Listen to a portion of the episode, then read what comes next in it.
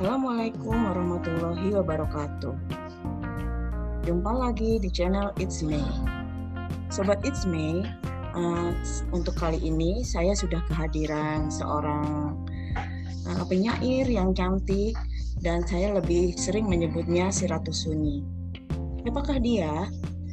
Ya, di sebelah saya uh, sudah hadir uh, Mbak Emi Sui. Nama panjangnya sih Emi Suyanti gitu ya. Selamat siang Mbak Emi. Selamat siang Pok Mei dan kawan-kawan semua. Assalamualaikum warahmatullahi wabarakatuh. Waalaikumsalam. Bagaimana kabarnya Mbak Emi? Alhamdulillah kabar baik Pok Mei. Ya, uh, Mbak Emi, ada kabar apa nih Mbak Emi? Apakah mungkin ada karya-karya terbaru yang bisa diinfokan kepada uh, Sobat It's Me? karya baru kemarin ya tahun lalu tahun 2020 di bulan Agustus saya menerbitkan uh, buku trilogi sunyi buku ketiga dari trilogi sunyi dari yang sebelumnya dari dua sebelumnya yaitu alarm sunyi api kemudian uh, api sunyi dan kebetulan buku itu uh, memperoleh uh, 25 besar dalam sayembara Hari Puisi Indonesia. Wah, bukan main pencapaiannya ya eh, Mbak Emi. Pandemi tapi terus berkarya nih Mbak Emi ya. Ya, seperti itulah. Ya. Uh, Mbak Emi, saya tertarik ya uh, dengan karya-karya Mbak Emi. Kok sering sekali uh, karya-karyanya itu selalu bercerita tentang sunyi, sepi, yang sepertinya mengisyaratkan uh, sebuah kesendirian apakah benar tuh Mbak Emi? Coba uh, mungkin banyak yang ingin tahu di balik sunyinya Mbak Emi. Uh, bagi saya, sunyi itu inti di mana kita berasal dan kembali. Dalam sunyi saya merasa segalanya menjadi terbuka. Arah, jalan, pesan bahkan tujuan. Maka sunyi menjadi sumber penciptaan bagi saya dengan menggali berbagai makna sunyi itu sendiri bagi saya sunyi itu mempunyai esensi tersendiri. Uh, sebagai perempuan, melalui sunyi saya menziarahi labirin diri saya sendiri. Sebab hari-hari terlalu riuh, terkadang penat, lelah mendera setelah seharian jungkir balik, menembus waktu, tenggelam oleh rutinitas yang mau nggak mau telah mendikte hari-hari saya. Maka melalui sunyi saya menemukan kemewahan, healing, kekuatan. Saya membutuhkan sunyi, lantas tersesat, sengaja menyesatkan diri di dalamnya uh, untuk melahirkan karya sunyi yang semoga berbunyi. Bahwa sunyi yang saya maksud adalah sunyi yang gaduh, yang berisik, bahkan yang bising dalam kepala saya. Seperti itu, Mei. Ya, bukan main, Mbak Emi. Uh, sepertinya uh, menarik sekali ya makna sunyi yang disampaikan oleh Mbak Emi. Tapi Mbak Emi mungkin uh, ada pembedanya tidak antara buku satu, buku dua, dan buku tiga ya, karena kan trilogi. Semuanya itu bercerita tentang uh, sunyi. Ada perbedaannya Mbak Emi? Uh, ketiganya memang berlatar belakang uh, trilogi sunyi ya. dari mulai alarm sunyi alarm sunyi itu kontradiksi antara alarm harusnya kan berisik bunyi tapi ini alarm sunyi jadi petanda dalam sunyi saya menemukan banyak tanda nah kalau ayat sunyi ya mungkin uh, dari ruang sunyi itu saya bisa melahirkan sesuatu yang saya sebut puisi tadi karya daripada uh, dari rahim uh, rahim pemikiran. Jadi uh, yang ketiga api sunyi di mana saya bisa uh, menaklukkan uh, segala rasa amarah tetapi dalam bentuk sunyi. Tetapi uh, api yang saya maksud nggak hanya tentang amarah tetapi dengan api itu adalah uh, keberanian, kemudian ada di dalamnya yang simbol marah ya, tapi bagaimana saya uh, menjadi api yang redup tetapi yang uh, api yang menerangi gitu, bukan api yang membakar. Uh, di dalamnya juga ada bagaimana kita uh, bicara tentang rindu, tentang cinta, tentang hujan dan segalanya uh, masih dalam uh, frame sunyi. Jadi bedanya sih uh, itu tadi ya, alarm sunyi ya pertanda ayat kemudian dalam dalam tanda kutip ayat yang saya tulis di ruang sunyi kemudian di api sunyi adalah bagaimana saya menaklukkan uh, yang namanya kemarahan tetapi dengan energi positif saya dapat uh, menulis uh, melahirkan karya jadi amarah itu di manage bagaimana menghasilkan sebuah uh, kreativitas yang positif begitu Pome. Bedanya Wah. sih di situ ya. Bukan main uh, Mbak Emi ya. Sebuah apa ya sebuah makna yang sepertinya luar biasa menurut saya. Kadang-kadang uh, orang sering mengartikan sunyi itu kan sesuatu yang negatif ya sesuatu yang mungkin uh, maknanya sendiri uh, untuk uh, tidak ya untuk sembunyi uh. dan sebagainya. Tapi saya menemukan sunyi uh, di karyanya Mbak Emi ini benar-benar memang beda gitu loh. Jadi saya menemukan kalau sunyinya ini adalah yang punya bunyi, sunyi yang mungkin memiliki uh, nuansa kita harus mengelola emosi gitu ya Mbak Emi ya juga kita yeah. bisa jadi produktif bukan main.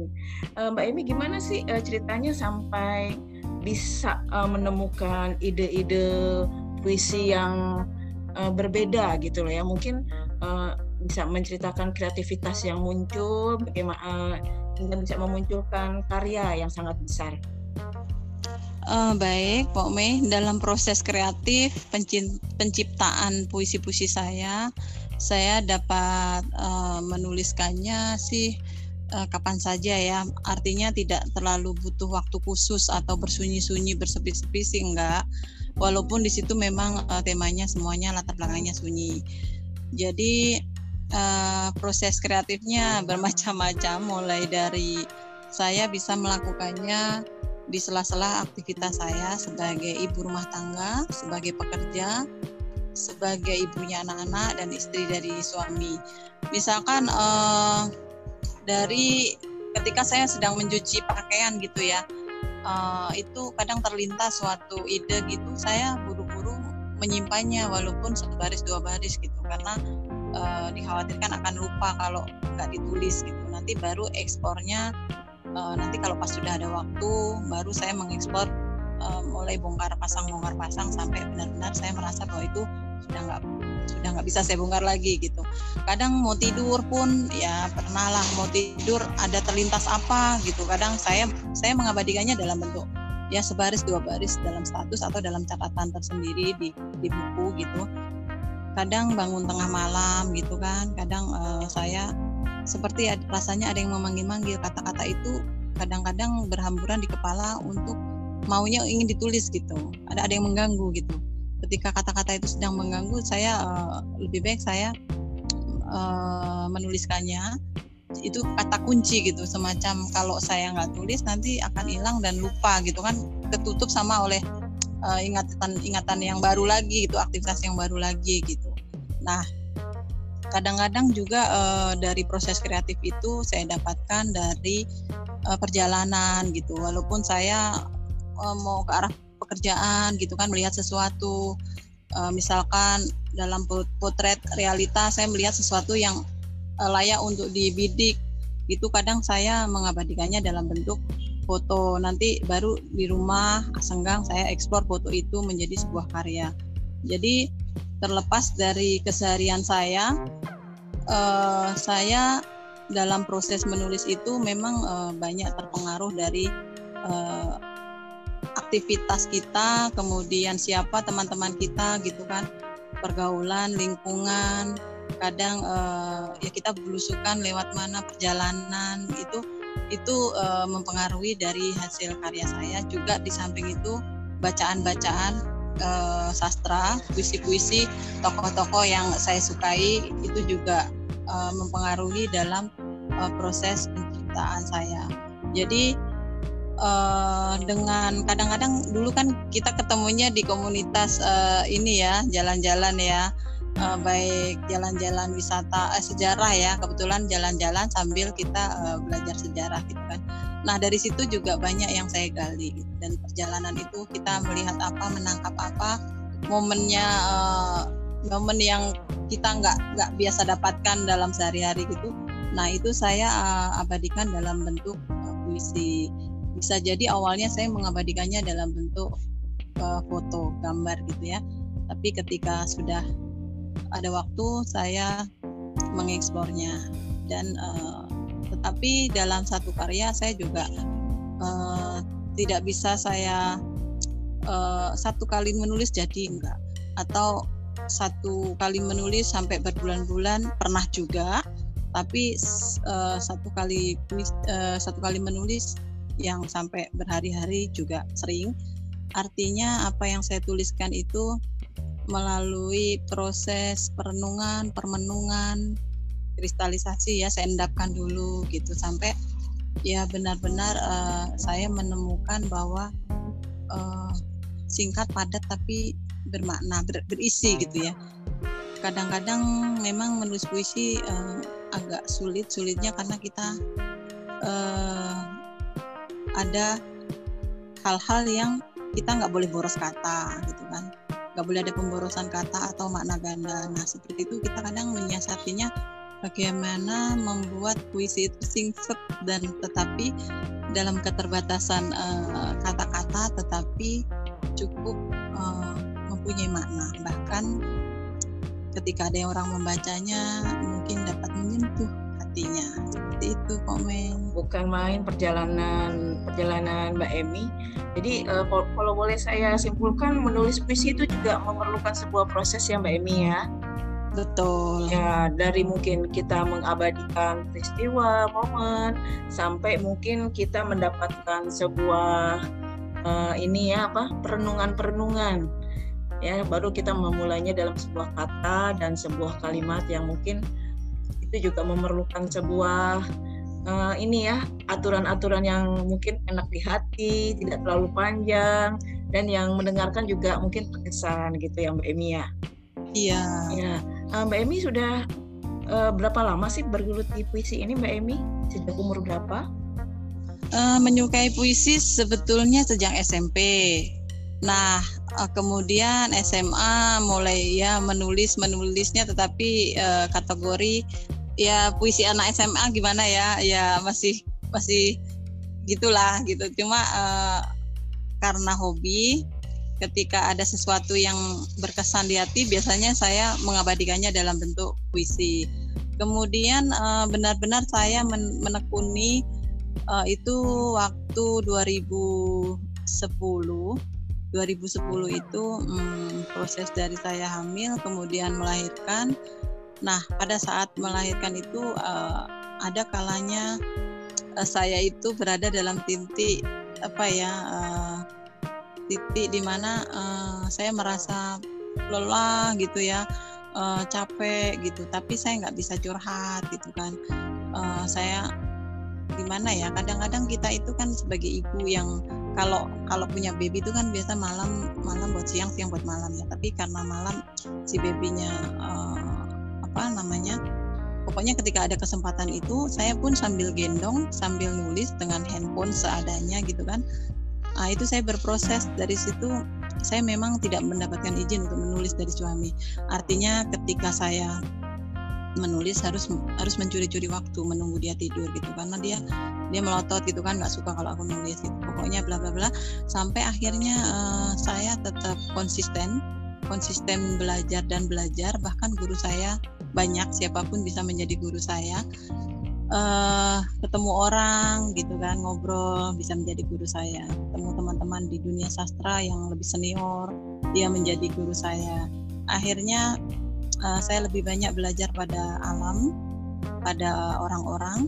Jadi uh, boleh dibilang saya belajar menulis itu secara otodidak ya, secara bakat alam juga karena basic saya juga bukan sekolah di sastra. Hingga pada akhirnya uh, saya memberanikan diri ikut berbagai antologi, antologi puisi karya bersama begitu. Nah, mungkin sampai saat ini uh, kurang lebih sekitar 100 buku ya karya. Wow, bukan main ya. Sudah banyak sekali itu yang karya bersama tapi uh. kalau yang tunggal yang karya tunggal itu tirakat padam api tahun 2011 itu kategori buku gagal karena buku itu masih banyak cacatnya mulai dari isinya kemudian juga mengenai kualitas bukunya jadi itu tapi tonggak tonggak sejarah juga awal saya menerbitkan buku secara uh, sendiri ya, secara karya tunggal gitu, secara pribadi. Kemudian habis itu 2017 saya uh, menerbitkan buku Alarm Sunyi yang kebetulan akhirnya uh, dua kali cetak karena cetakan pertama sudah habis, tapi teman-teman masih ada yang yang menginginkan ya uh, dua dua kalimat menjadi tagline yang cukup viral itu perempuan mesti bisa menulis setidaknya men, perempuan mesti bisa menjahit setidaknya menjahit lukanya sendiri ya. Nah, tadi, itu memang uh, cukup ini ya cukup terkenal ya Mbak Emi ya. Uh, nah, dua mungkin itu. ini uh, bisa mungkin uh, dibacakan uh, pendengar It's May mau mendengarkan gimana sih Mbak Emi uh, membacakan puisi tentang perempuan menjahit. Uh, Oke, okay. saya akan membacakan puisi penjahit luka untuk teman-teman di podcastnya Pok Mei uh, yang berjudul sebentar ya.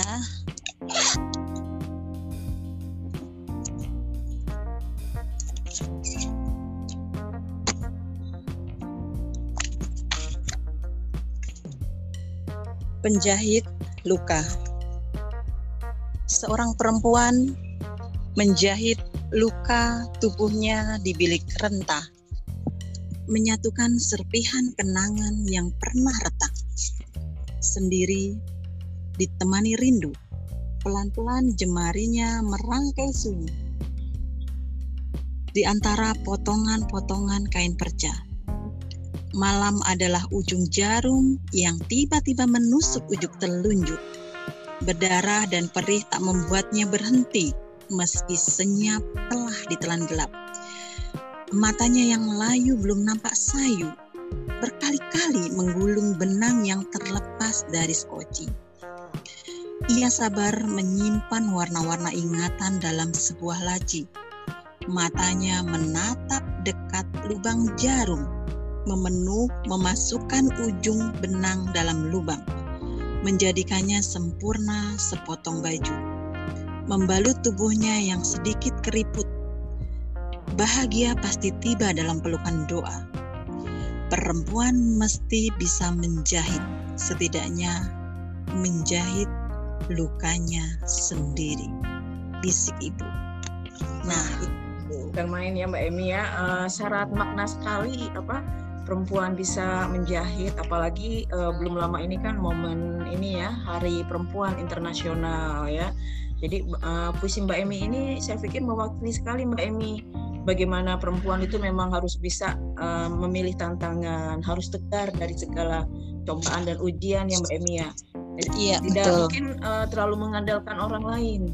Betul. Memang perempuan harus bisa menjahit lukanya sendiri. Dan Setuju. mungkin tempat bergantung itu ya hanya Tuhan yang Mbak Emi ya. Berpeluk iya. doa. Yeah. waduh bukan main. Uh, sangat sangat terkesan sekali Mbak Emi. Ya terima kasih Pok Me. Ya uh, Mbak Emi mungkin uh, bisa memberikan tips bagi sobat It's Me yang ingin uh, mengekspresikan ya mengekspresikan kegalauannya uh, dalam berpuisi dalam sebuah karya mungkin apalagi pandemi gini kan banyak yang di rumah nih Mbak Emi ya. Iya, ya, betul. jadi banyak waktu mungkin untuk berekspresi, berkreativitas. Oh iya, boleh. Uh, di era pandemi ini memang cukup membuat kita uh, merasa ini ya segalanya menjadi terbatas gitu dan kita lebih banyak kegiatan dari rumah WFH ya. Tetapi uh, kalau memang hobi menulis dan uh, ingin menuangkan um, isi dari pada perasaan kemudian pemikiran gitu uh, alangkah baiknya memang uh, karena punya waktu banyak jadi lebih banyak kesempatan untuk mengeksplornya dengan uh, semakin banyak berkarya. Ya membaca membaca membaca kemudian menuliskannya gitu kan. Uh, selama uh, kita ada kemauan untuk menulis, maka tidak akan menutup kemungkinan uh, kita benar-benar menghasilkan uh, sebuah karya. Jadi yang pertama niat, kemudian meneruskan niat itu menjadi action, menjadi uh, perbuatan gitu kan. Kalau niat aja tetapi tidak dimulai ya habis di situ kan. hanya ah pengen nulis tapi dia tidak nulis gitu kalau ah pengen nulis tapi dia langsung menulis nah itu berarti uh, niat dibarengin dengan uh, perbuatan dengan action gitu ya. Dan di era pandemi ini cukup banyak teman-teman yang produktif karena uh, lebih banyak untuk kesempatan untuk menulis ya. Tetapi bagi teman-teman yang uh, seperti saya uh, masih beraktivitas normal bahkan uh, bahkan saya ini kadang-kadang sulit untuk memanage waktu untuk untuk lebih banyak menulis. Padahal saya ingin sekali banyak menulis gitu. Tetapi saya hanya punya waktu sisa waktu setelah seharian bekerja ini uh, waktunya cukup sempit yang yang saya gunakan untuk menulis. Jadi kadang-kadang uh, saya iri juga sama teman-teman yang bisa menulis banyak gitu kan. Dengan setiap hari produktif gitu. Kalau saya ya itu tadi terbentur oleh uh, aktivitas rutinitas yang mau nggak mau harus saya tempuh setiap hari gitu kan. Ya tapi uh, saya cukup bahagia bahwa di sisa waktu saya yang sedikit itu saya bisa berkarya gitu.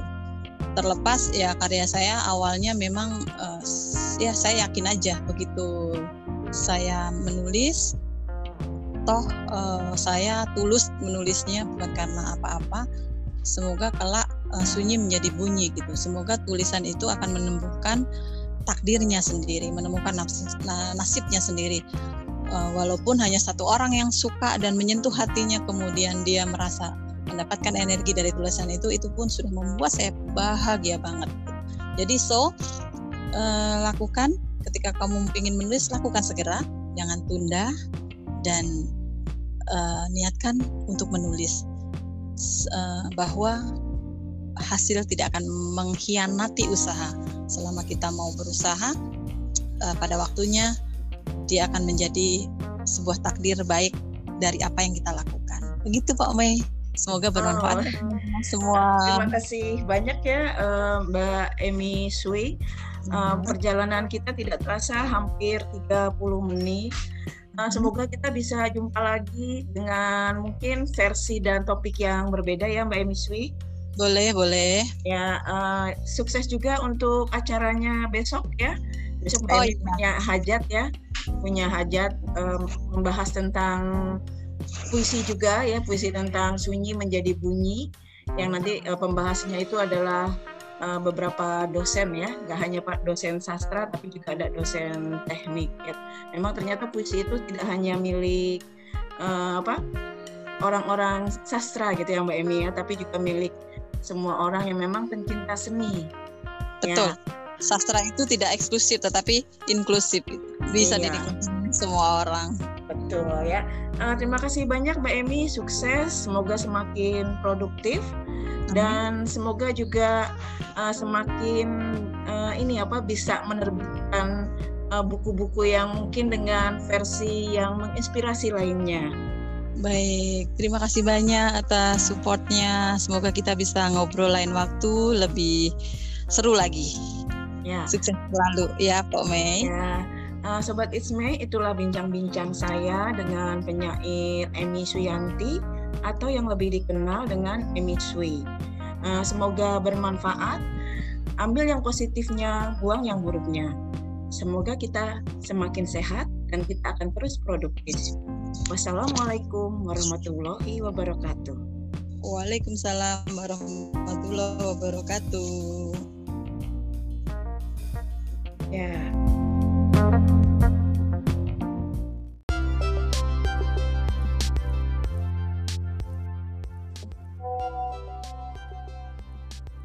Assalamualaikum warahmatullahi wabarakatuh. Apa kabar Sobat Isme? Bagaimana puasanya hari ini? Ya, semoga puasanya lancar dong. Nah, sambil berpuasa, kita simak yuk obrolan-obrolan penting. Kali ini, saya memiliki narasumber yang keren, cantik, dan uh, sangat banyak ilmunya. Selamat siang, uh, Mbak Ulani. Selamat siang, Bu Melani. Apa kabar nih? Kita ketemu lagi. Ya, kabar baik, Bu Ulani. Nah, uh, Sobat It's Me, uh, kita kali ini akan berbincang dengan Ibu Ulani Yunus Uh, beliau adalah dosen uh, di Binus University dan saat ini memiliki jabatan struktural sebagai leader Research Interest Group Cross Cultural Communication atau RICROSCOM. Nah, kali ini kita akan banyak berbincang-bincang tentang riset juga uh, apa sih pentingnya dosen bergabung atau mungkin uh, memiliki uh, sebuah fokus pada salah satu lembaga riset. Ya, uh, Bu Ulani mungkin mau ya kita saling sharing mengeluarkan ilmunya yang pasti banyak ya. yang tertarik nih. Baik, ya tentu dengan senang hati Pomei. Terima kasih juga atas kesempatannya. Pasti sangat berharga lah kalau hostnya uh, Bu Meilan ini yang saya tahu selalu keren. Waduh. ya, uh, Bu Lani, uh, Bu Lani ini kan berkecimpung sudah cukup lama ya di dunia riset sebagai seorang dosen.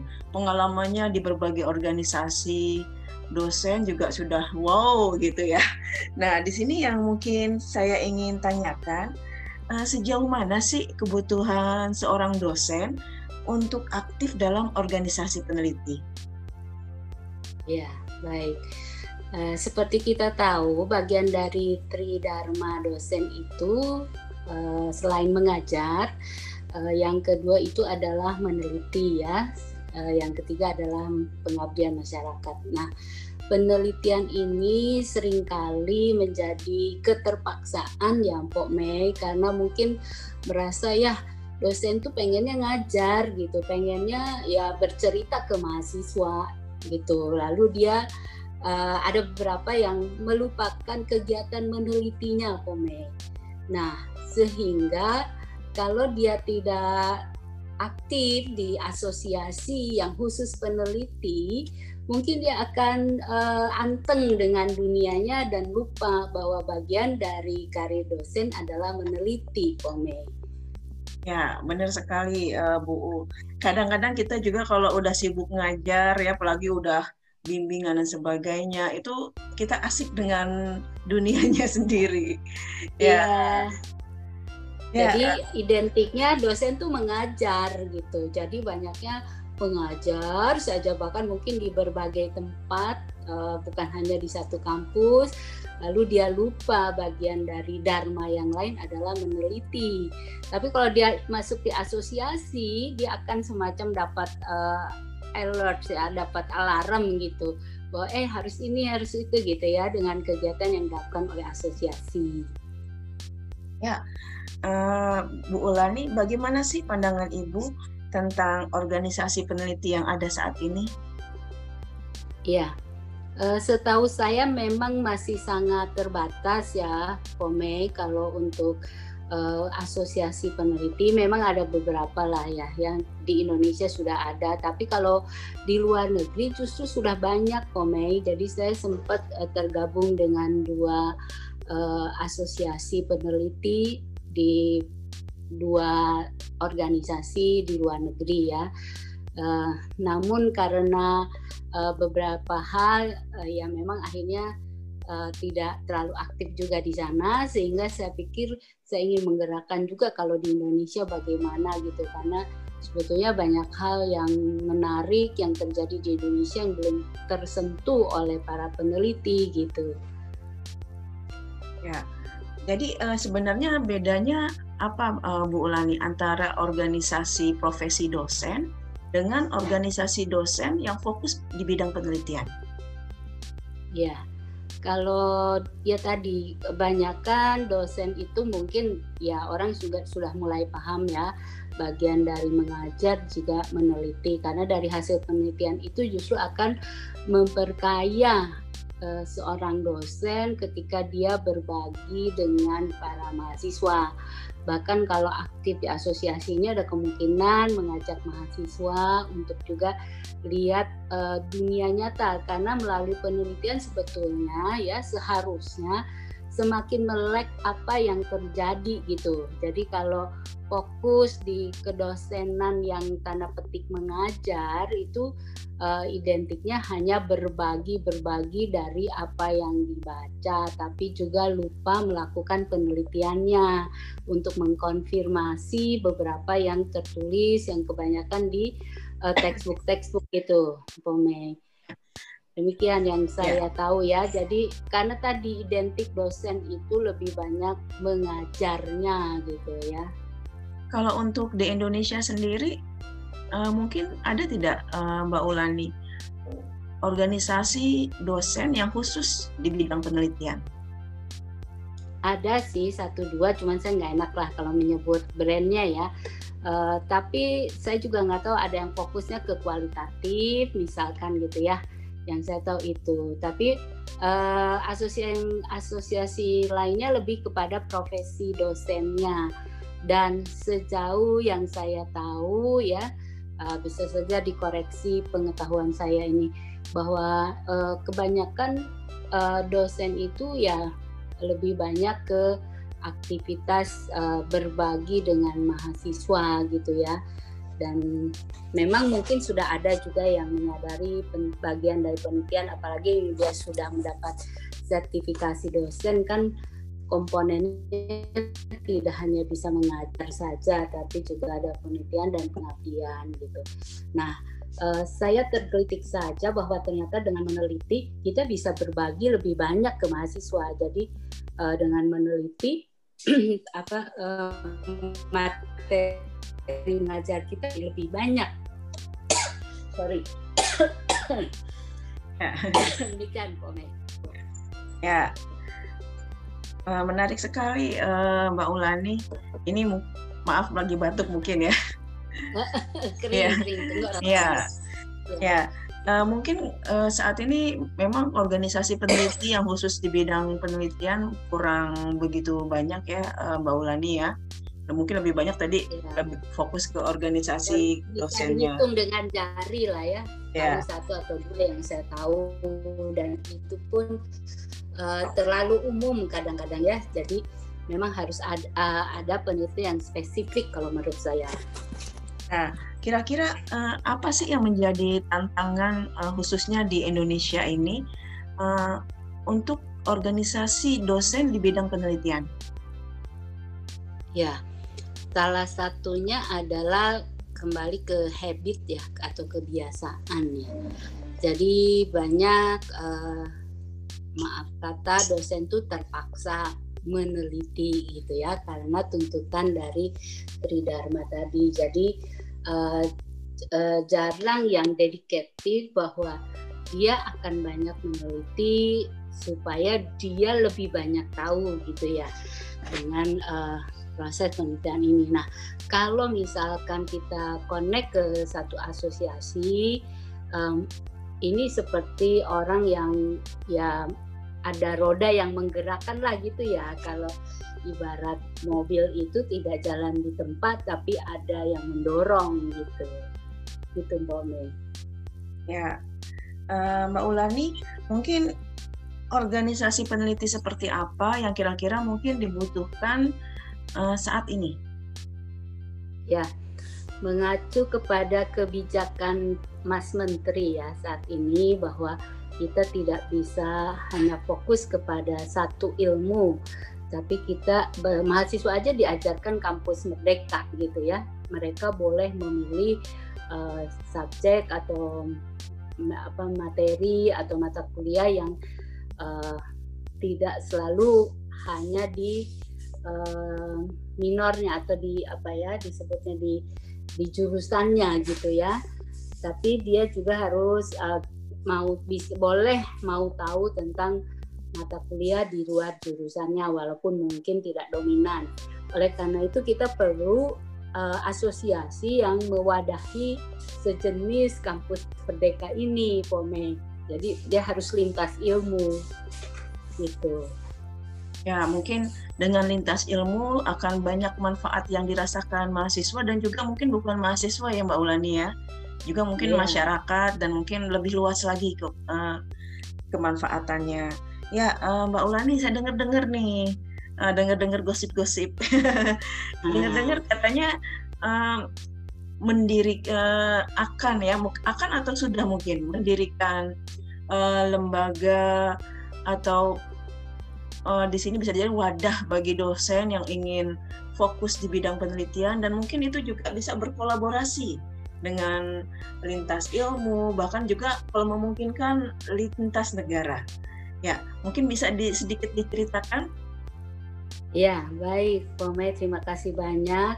Ya, saya bersama dengan teman-teman kemarin tuh diskusi bagaimana ya mengangkat uh, terutama sebetulnya Indonesia sih, tapi kalau uh, asosiasi ini tidak tidak menutup diri untuk luar negeri, tujuannya tentu untuk saling melengkapi ya. Nah, uh, asosiasi ini dinamakan Associations of Researchers in Communications, Humanity, uh, Teknologi dan uh, Engineering ya, sehingga namanya menjadi ARCI ya tulisannya. Jadi A-nya itu Associations of Researchers R ya, uh, C-nya adalah Communication, H-nya itu humanity, lalu uh, informatic and engineering.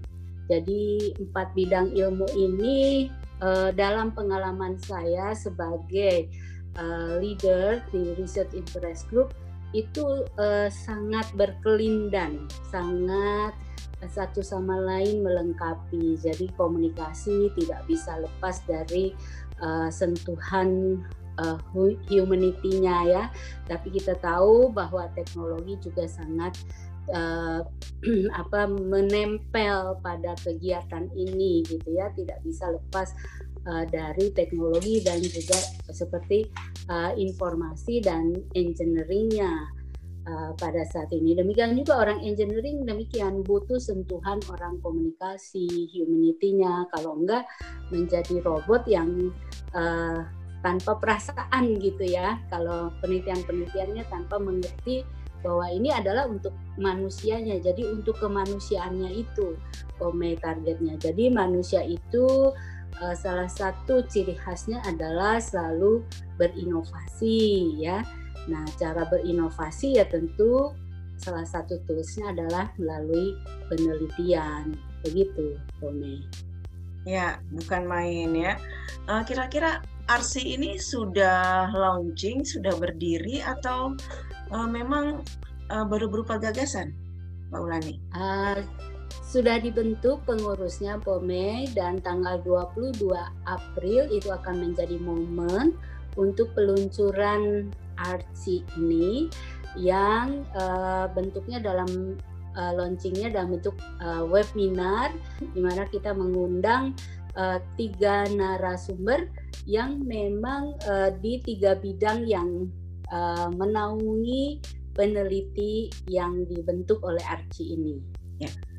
Uh, untuk topik atau judul tentang pembahasan webinarnya boleh tahu Mbak Ulani? Ya, kita akan membawa peneliti ini bukan hanya wacana ya, yang ngawang-ngawang di atas sehingga uh, kita menuangkan temanya adalah aplikasi penelitian dalam dunia komunikasi dan dunia uh, teknologi dan tentu humanity-nya ya sehingga narasumbernya uh, diwakili oleh uh, bidang ilmu tersebut. Ya, kira-kira uh, kalau ada yang berminat nih untuk ikut webinarnya atau mungkin ingin mengetahui lebih jauh tentang arsi, ini caranya gimana nih Mbak Ulani? Oh ya mudah sekali. Uh, mungkin yang paling utama adalah ikut dulu webinarnya ya supaya bisa tahu uh, dapat wacana mengapa sih kita ini perlu bergabung dalam asosiasi peneliti ya. Nah, dari situ nanti ada link pendaftaran untuk menjadi anggota. Nah, tentu syaratnya adalah dia memang sudah menjadi peneliti, jadi bukan ah baru berangan-angan jadi peneliti. Nah, ciri dari peneliti itu dia sudah memiliki uh, karya ilmiah yang disebut dengan artikel atau jurnal ilmiah itu salah satu ciri dan mungkin ada beberapa kriteria ya untuk menjadi uh, anggota dari asosiasi ini.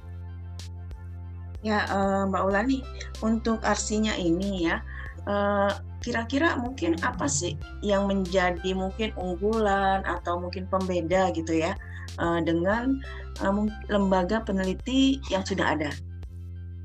Ya, yang saya tahu di uh, Indonesia ini masih terbatas ya dan rata-rata keanggotaannya itu adalah uh, orang Indonesia atau peneliti Indonesia.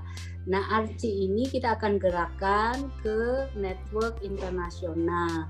Jadi untuk para peneliti dia bisa memiliki uh, network juga dari member lain yang berasal uh, dari mancanegara ya itu satu Kemudian uh, bidang ilmunya adalah lintas gitu ya, jadi tidak fokus. Yang saya tahu hanya ada beberapa fokus ke satu keilmuan sehingga ketika misalkan ada tema penelitian yang harus uh, memiliki kompetensi dengan berbagai uh, bidang ilmu itu suka kesulitan mencari partner ya. Tapi kalau bergabung di asosiasi ini uh, diharapkan uh, itu dapat memfasilitasi atau mempermudah untuk mencari mitra salah satunya.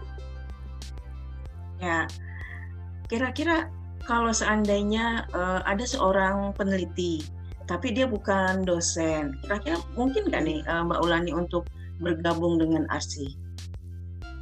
Iya betul sekali, Pome. Jadi uh, ini bukan hanya dosen, walaupun tadi kita sudah memulai dengan uh, karakteristik dari dosen ya, tapi sebenarnya untuk uh, kan ada yang memang dia adalah profesinya sebagai peneliti. Jadi itu juga bisa uh, bergabung, welcome untuk mereka sehingga uh, bisa saling melengkapi. Kalau dia adalah uh, praktisi, jadi dia berada di dunia industri dan diposisikan sebagai peneliti ya uh, biasanya R&D mungkin ya research and development.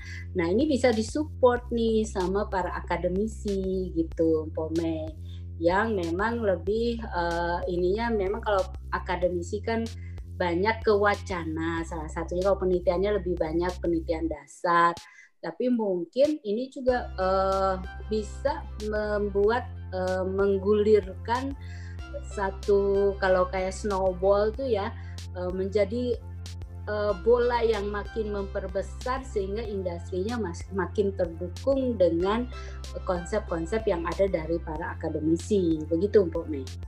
Ya, bukan main ya. Uh, tujuan mungkin keberadaan RC ini bukan hanya sekedar mungkin kolaborasi antara dosen, antara peneliti, tapi juga memungkinkan membuka kerjasama dengan pihak industri.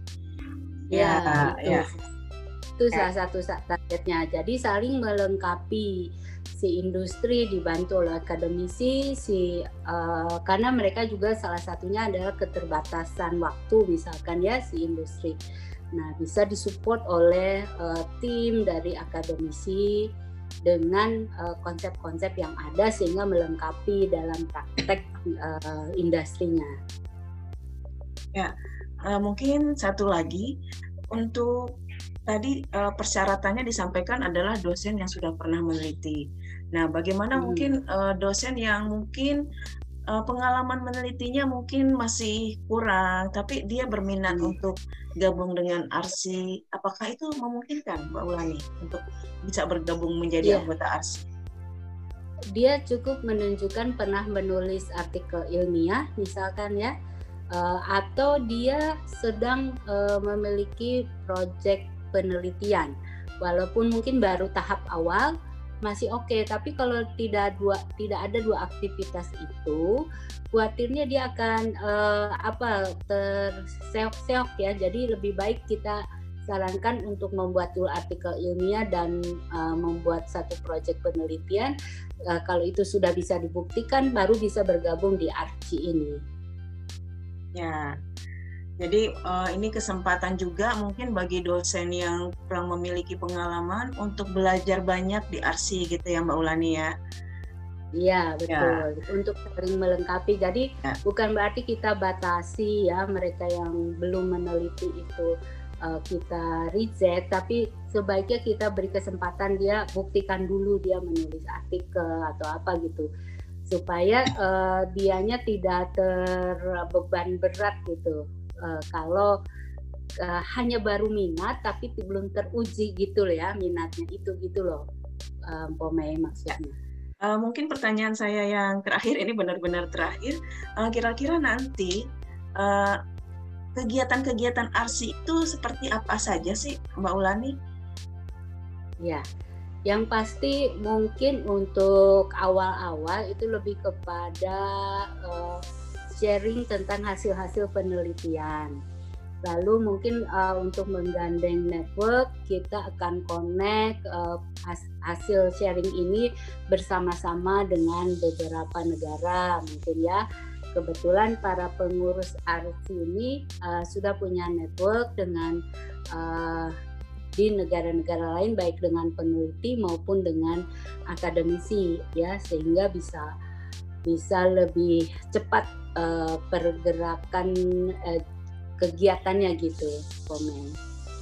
Ya, terima kasih sekali uh, Mbak Ulani atas obrolan obrolannya.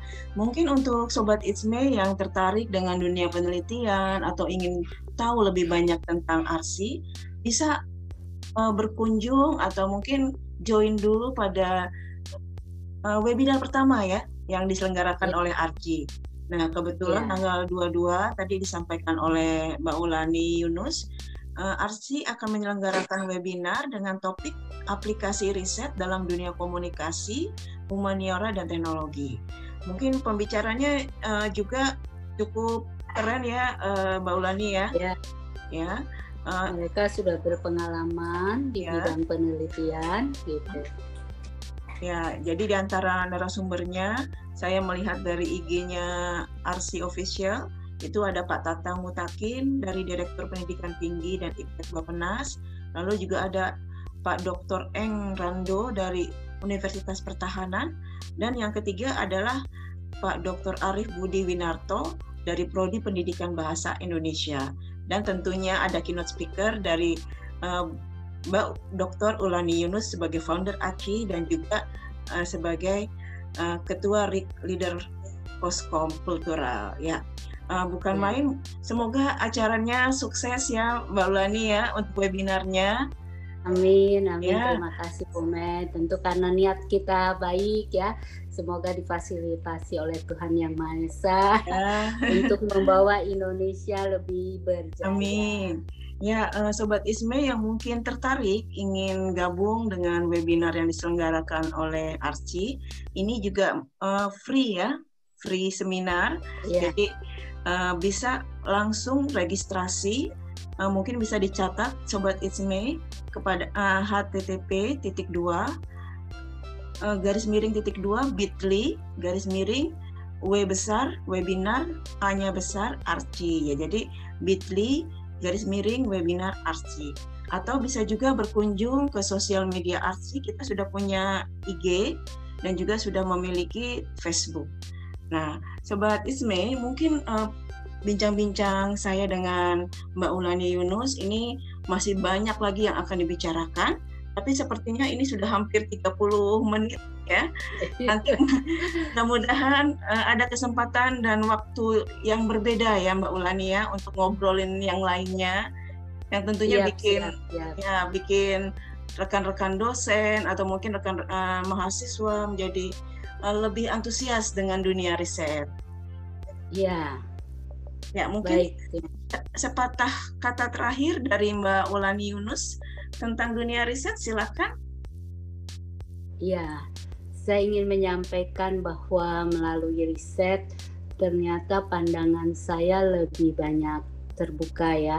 Kalau dikatakan buku adalah jendela dunia, maka penelitian itu adalah dunia itu sendiri ya, yang kita uh, jalani, yang kita injak, yang kita nikmati, yang kita uh, hidup di dalamnya itu adalah penelitian. Ya, bukan main. Memang uh, pengetahuan itu luas dan memang dengan riset kita bisa menemukan mungkin banyak manfaat dan banyak temuan-temuan. Ya, terima kasih uh, Mbak Ulani Yunus. Semoga kita bisa jumpa lagi di sesi yang berbeda dan tentunya dengan topik yang berbeda yang lebih syarat uh, manfaat dan mungkin lebih asik untuk didengarkan. Ya, uh, ya sobat. Sama-sama. Ya, Sobat Isme, uh, cukup sekian episode kali ini bincang-bincang tentang uh, dunia riset, tentang organisasi riset yang dibutuhkan dosen saat ini. Ya, Sobat Isme, ambil positifnya, buang negatifnya. Semoga kita tetap sehat dan semoga kita selalu dilindungi oleh Tuhan Yang Maha Esa. Sampai jumpa sampai jumpa Sobat Isme di episode berikutnya. Sampai jumpa. Dadah. Assalamualaikum. Dadah. Terima kasih Mbak Ulani. Baik.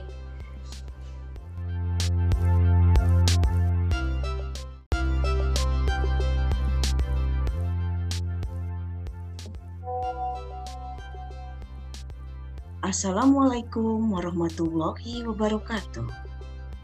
Apa kabar Sobat Itsme? Bagaimana puasanya hari ini? Ya, semoga puasanya lancar dong. Nah, sambil berpuasa, kita simak yuk obrolan-obrolan penting. Kali ini, saya memiliki narasumber yang keren, cantik, dan uh, sangat banyak ilmunya. Selamat siang, uh, Mbak Ulani. Selamat siang, Bu Melani. Apa kabar nih? Kita ketemu lagi. Ya, kabar baik Bu Ulani. Nah, uh, sobat It's uh, kita kali ini akan berbincang dengan Ibu Ulani Yunus. Uh, beliau adalah dosen uh, di Binus University dan saat ini memiliki jabatan struktural sebagai leader Research Interest Group Cross Cultural Communication atau RICROSCOM. Nah, kali ini kita akan banyak berbincang-bincang tentang riset juga uh, apa sih pentingnya dosen bergabung atau mungkin uh, memiliki uh, sebuah fokus pada salah satu lembaga riset. Ya, uh, Bu Ulani mungkin mau ya kita saling sharing mengeluarkan ilmunya yang pasti banyak yeah. yang tertarik nih. Baik, ya tentu dengan senang hati Pomei. Terima kasih juga atas kesempatannya. Pasti sangat berharga lah kalau hostnya uh, Bu Meilan ini yang saya tahu selalu keren. Waduh. ya, uh, Bu Lani, uh, Bu Lani ini kan berkecimpung sudah cukup lama ya di dunia riset sebagai seorang dosen. Pengalamannya di berbagai organisasi, dosen juga sudah wow gitu ya.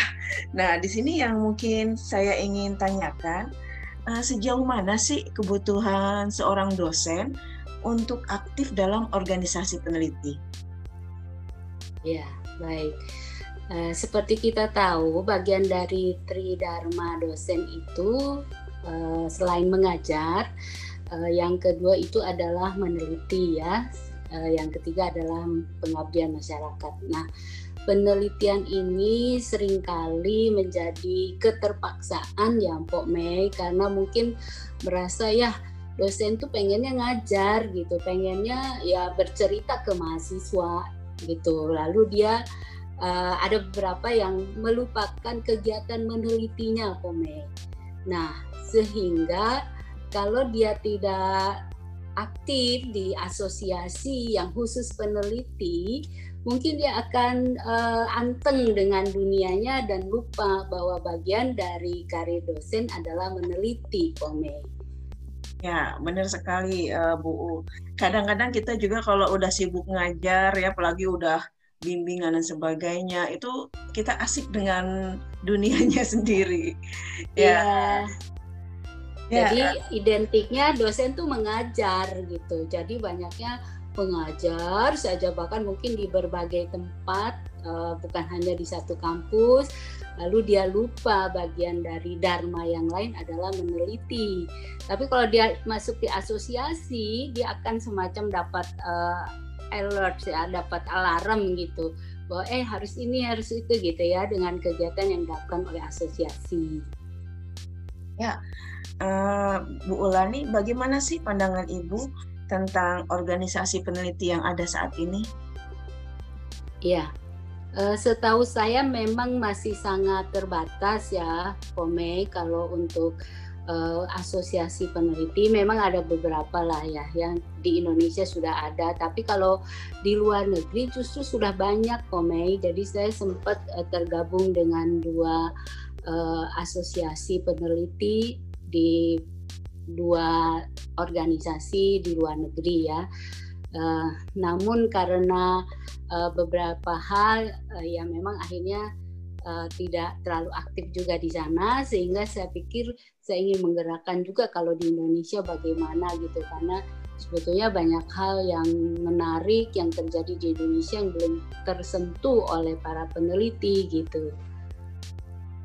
Ya, jadi uh, sebenarnya bedanya apa uh, Bu Ulani antara organisasi profesi dosen dengan organisasi dosen yang fokus di bidang penelitian? Ya, kalau ya tadi kebanyakan dosen itu mungkin ya orang juga sudah mulai paham ya bagian dari mengajar juga meneliti karena dari hasil penelitian itu justru akan memperkaya uh, seorang dosen ketika dia berbagi dengan para mahasiswa. Bahkan kalau aktif di asosiasinya ada kemungkinan mengajak mahasiswa untuk juga lihat uh, dunia nyata. Karena melalui penelitian sebetulnya ya seharusnya semakin melek apa yang terjadi gitu. Jadi kalau fokus di kedosenan yang tanda petik mengajar itu uh, identiknya hanya berbagi-berbagi dari apa yang dibaca, tapi juga lupa melakukan penelitiannya untuk mengkonfirmasi beberapa yang tertulis yang kebanyakan di uh, textbook-textbook itu, Pome. Demikian yang saya yeah. tahu ya. Jadi karena tadi identik dosen itu lebih banyak mengajarnya gitu ya. Kalau untuk di Indonesia sendiri, uh, mungkin ada tidak uh, Mbak Ulani organisasi dosen yang khusus di bidang penelitian? Ada sih satu dua, cuman saya nggak enak lah kalau menyebut brandnya ya. Uh, tapi saya juga nggak tahu ada yang fokusnya ke kualitatif, misalkan gitu ya yang saya tahu itu. Tapi uh, asosiasi asosiasi lainnya lebih kepada profesi dosennya. Dan sejauh yang saya tahu ya uh, bisa saja dikoreksi pengetahuan saya ini bahwa uh, kebanyakan uh, dosen itu ya lebih banyak ke aktivitas uh, berbagi dengan mahasiswa gitu ya dan memang mungkin sudah ada juga yang menyadari bagian dari penelitian apalagi dia sudah mendapat sertifikasi dosen kan komponennya tidak hanya bisa mengajar saja tapi juga ada penelitian dan pengabdian gitu. Nah, uh, saya tergelitik saja bahwa ternyata dengan meneliti kita bisa berbagi lebih banyak ke mahasiswa. Jadi uh, dengan meneliti apa uh, materi dari mengajar kita lebih banyak. Sorry. Ya. Demikian komen. Ya, uh, menarik sekali uh, Mbak Ulani. Ini maaf lagi batuk mungkin ya. kering, ya. kering, ya. ya.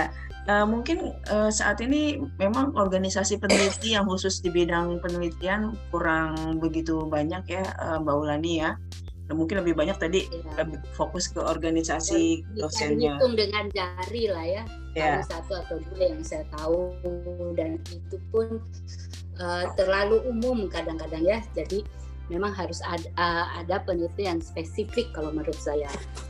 Nah, kira-kira uh, apa sih yang menjadi tantangan uh, khususnya di Indonesia ini uh, untuk organisasi dosen di bidang penelitian? Ya, Salah satunya adalah kembali ke habit ya atau kebiasaan ya.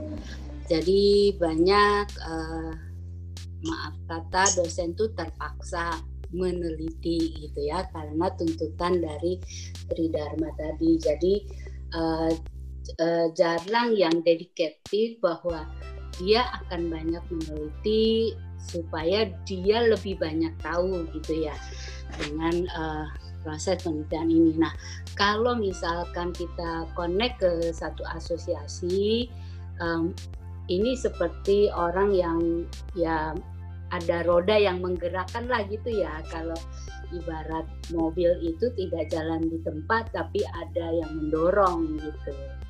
Gitu Mbak Mei.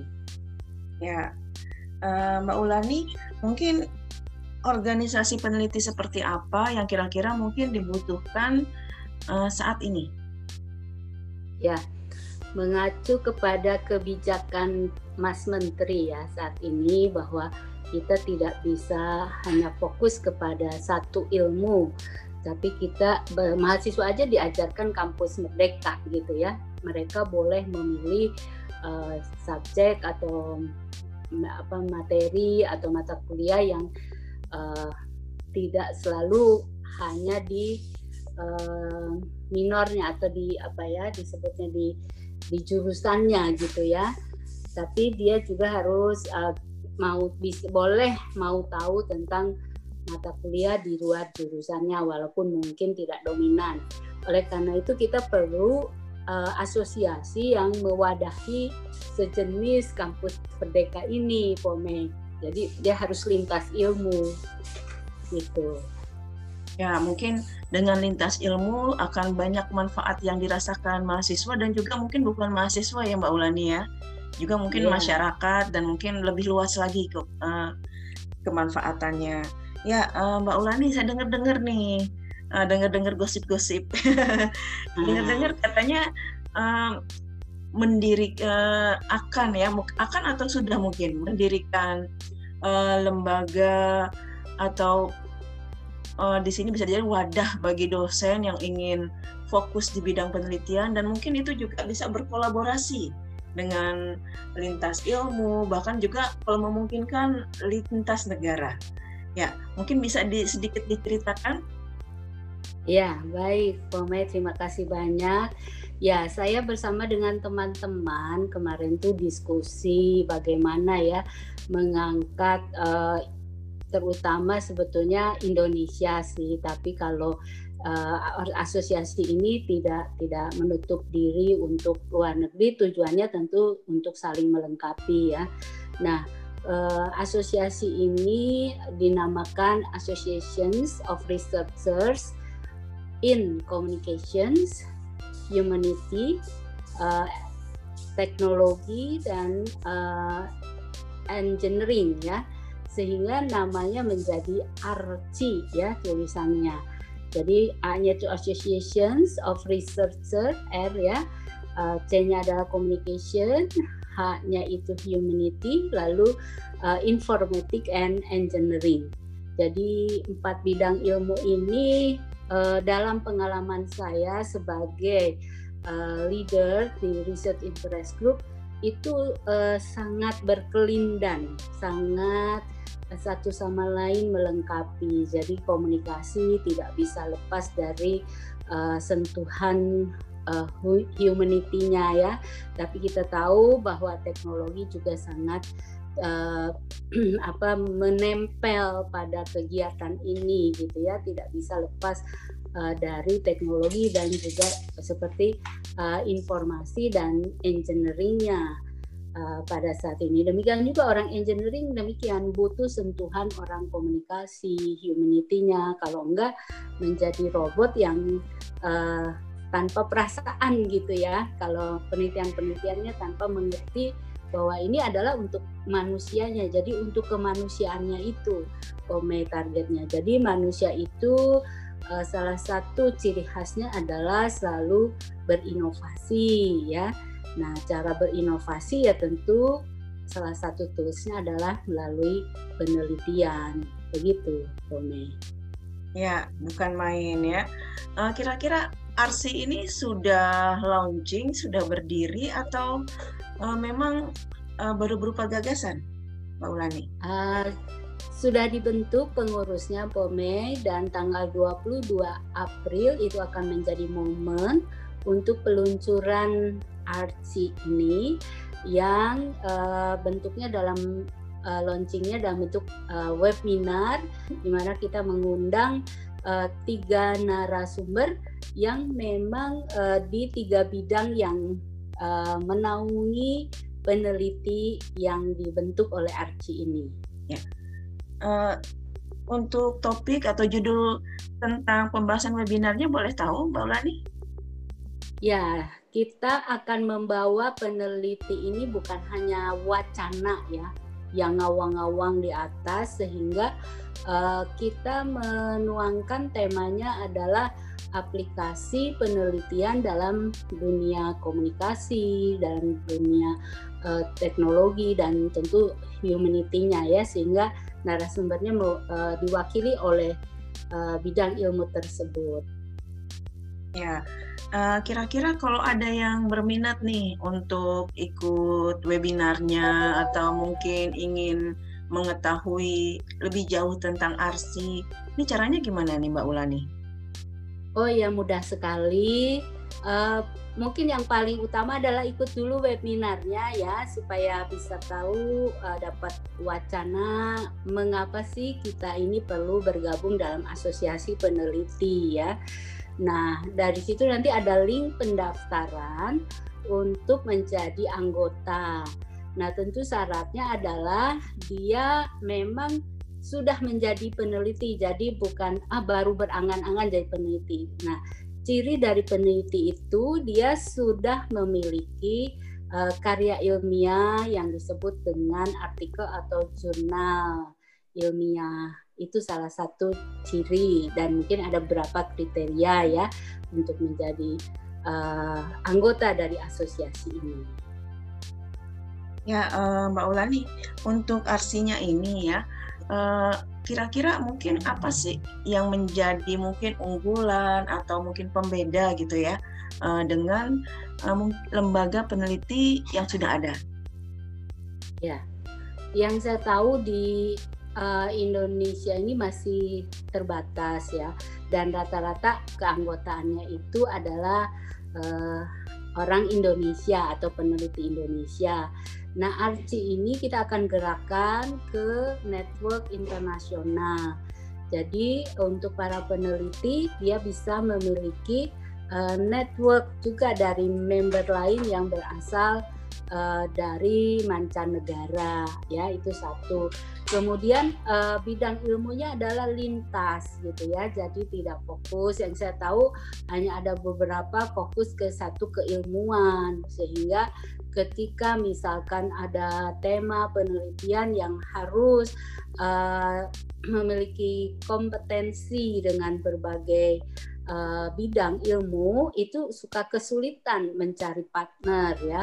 Tapi kalau bergabung di asosiasi ini uh, diharapkan uh, itu dapat memfasilitasi atau mempermudah untuk mencari mitra salah satunya. Ya, kira-kira kalau seandainya uh, ada seorang peneliti, tapi dia bukan dosen, kira-kira mungkin nggak nih uh, Mbak Ulani untuk bergabung dengan ARSI? Iya betul sekali, Pome. Jadi uh, ini bukan hanya dosen, walaupun tadi kita sudah memulai dengan uh, karakteristik dari dosen ya. Tapi sebenarnya untuk uh, kan ada yang memang dia adalah profesinya sebagai peneliti. Jadi itu juga bisa uh, bergabung, welcome untuk mereka sehingga uh, bisa saling melengkapi. Kalau dia adalah uh, praktisi, jadi dia berada di dunia industri dan diposisikan sebagai peneliti, ya uh, biasanya R&D mungkin ya research and development.